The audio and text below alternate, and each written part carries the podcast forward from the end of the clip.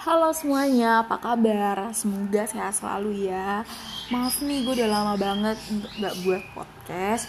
Tapi hari ini gue akan menceritakan atau membahas hal yang baru Yaitu tentang Kartini. Untuk memperingati Hari Kartini kemarin ya. Hari ini gue akan membahas ibu kita tercinta ialah seorang pahlawan pada masanya sampai sekarang yang selalu menegakkan hak-hak para perempuan dan sekarang dikenal sebagai emansipasi wanita. Siapa dia? Ya Ibu Kartini. Ya, seperti yang kita tahu bahwa Ibu Kartini adalah seorang pahlawan perempuan yang dapat pada zaman itu menegakkan hak-hak perempuan pada masanya. Menjadi salah satu tokoh emansipasi wanita pada saat itu. Oke, gue akan membahas tentang kehidupan Ibu Kartini sampai dia menjadi tokoh emansipasi wanita. Oke, jadi Ibu Era Kartini ini lahir di Jepara pada 21 April 1879. Kartini adalah ibu putri tertua keturunan keluarga ningrat Jawa atau istilahnya bangsawan nih biar kita gampang untuk mengenalnya.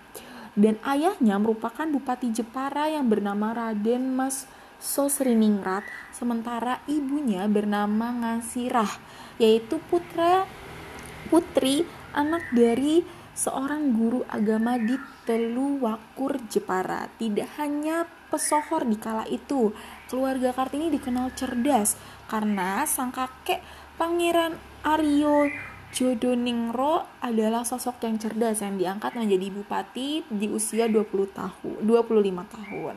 Jadi sang kakeknya aja cerdas bagaimana cucu dan anaknya. Jadi pada saat itu memang keluarga Kartini ini sang, dikenal sangat cerdas dari saat kakeknya sudah menjadi bupati tersebut kayak gitu. Nah, gue akan membahas langsung nih tentang emansipasi wanita. Jadi emansipasi wanita itu mulai menggema di Indonesia atas jasa Ibu Kartini. Dia menjadi tokoh yang aktif memperjuangkan kesetaraan hak perempuan sebagai perempuan Jawa. Dia sangat merasa, merasakan ketimpangan sosial antara perempuan dan laki-laki pada masa itu. Jadi hak perempuan dan hak laki-laki itu sangat berbeda jauh gitu. Sedangkan kewajiban perempuan benar-benar harus dijalankan gitu tanpa peduli apa pun itu kayak gitu. Jadi usaha Kartini dalam memperjuangkan hak wanita untuk mendapatkan pendidikan setinggi-tingginya dan diberikan kesempatan yang sama untuk menerapkan ilmu yang dimiliki agar tidak direndahkan derajatnya menjadikan Kartini dikenal sebagai tokoh penggerak emansipasi wanita.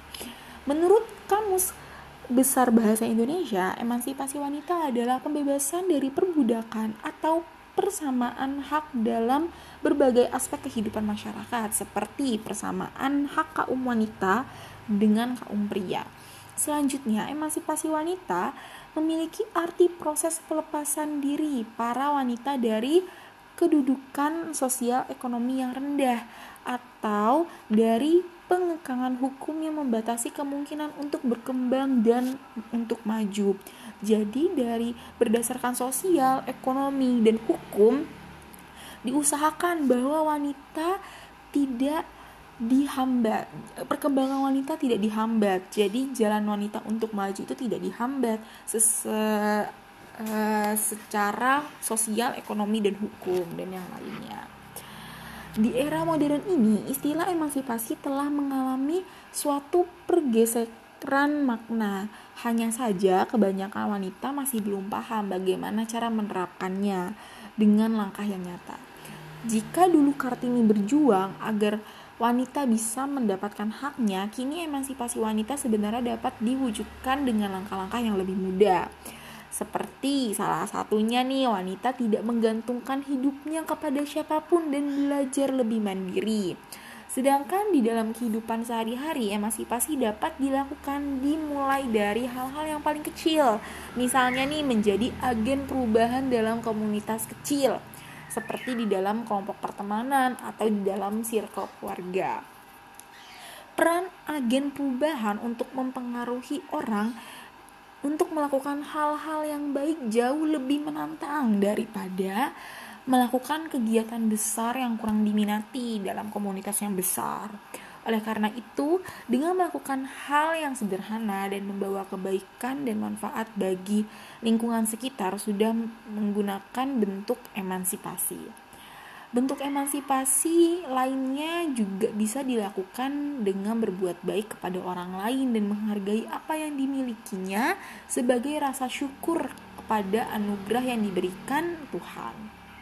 Namun sebaliknya, berbuat baik jangan dilakukan dengan setengah hati, terlebih lagi jika kita memiliki semangat daya juang tinggi. Selain kecerdasan emosional, spiritual, dan intelijensi, kecerdasan daya juang juga penting untuk dikuasai.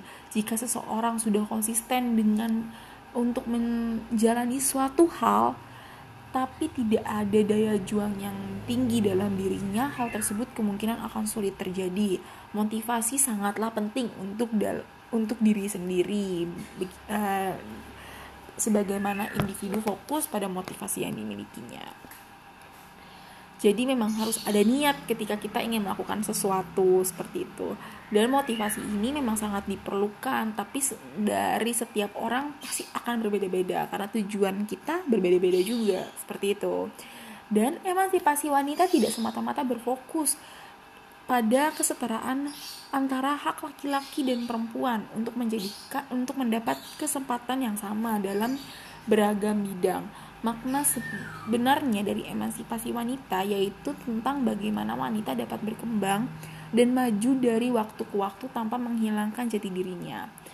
Dengan memahami makna emansipasi wanita seutuhnya, wanita turut serta memberikan emansipasi bagi masyarakat dan negara. Maka dari itu, pemerintah membuat keputusan Presiden RI nomor 108 tahun 1964 pada 2 Mei 1964 berdasarkan Kepres di masa Presiden Soekarno. Itulah RA Raden Ajeng Kartini ditetapkan sebagai pahlawan kemerdekaan nasional yang diperingati pada 21 April sesuai dengan hari lahir Ibu Kartini wah sangat besar banget ya peran Ibu Kartini ini ya sosok seorang wanita yang sangat inspiratif memotivasi wanita pada saat itu agar dapat memperjuangkan hak-haknya gitu. Karena yang gue tahu nih pada saat itu wanita-wanita itu benar-benar dipandang sebelah mata. Mereka itu hanya menjadi uh, kaum-kaum uh, rendah seperti buru buru-buru untuk uh, memenuhi kebutuhan hasrat laki-laki dan lain sebagainya. Jadi hak-hak yang memang harus dimiliki wanita itu sangat minim untuk didapat kayak gitu. Apalagi pendidikan gitu. Pada masa penjajahan pendidikan hanya bisa dilakukan oleh para para bangsawan. Sedangkan rakyat-rakyat kecil tidak boleh meng, e, mendapatkan pendidikan. Itu kan sangat-sangat tidak adil seperti itu. Jadi ibu kartini ini tuh sangat memperjuangkan hak-hak wanita pada saat itu. Pokoknya salut lah untuk ibu Kartini. Dan sampai saat ini masih kita kenang sekali. Dan Kartini pada zaman sekarang tuh banyak banget menurut gue. Bisa Kartini zaman sekarang tuh bisa mungkin Mary Riana sebagai motivator. Dan dokter-dokter dokter-dokter publik yang udah ke mana-mana yang ada di TV sering-sering itu itu menurut gue mereka juga adalah kartini pada saat ini. Guru dan profesi-profesi lainnya yang bisa merubah seseorang menjadi lebih baik itu tuh adalah sosok Kartini pada masa ini kayak gitu. Pokoknya selamat hari Kartini teman-teman. Have a good days. Semoga hari ini berjalan dengan lancar dan sesuai dengan harapan See you. Bye bye.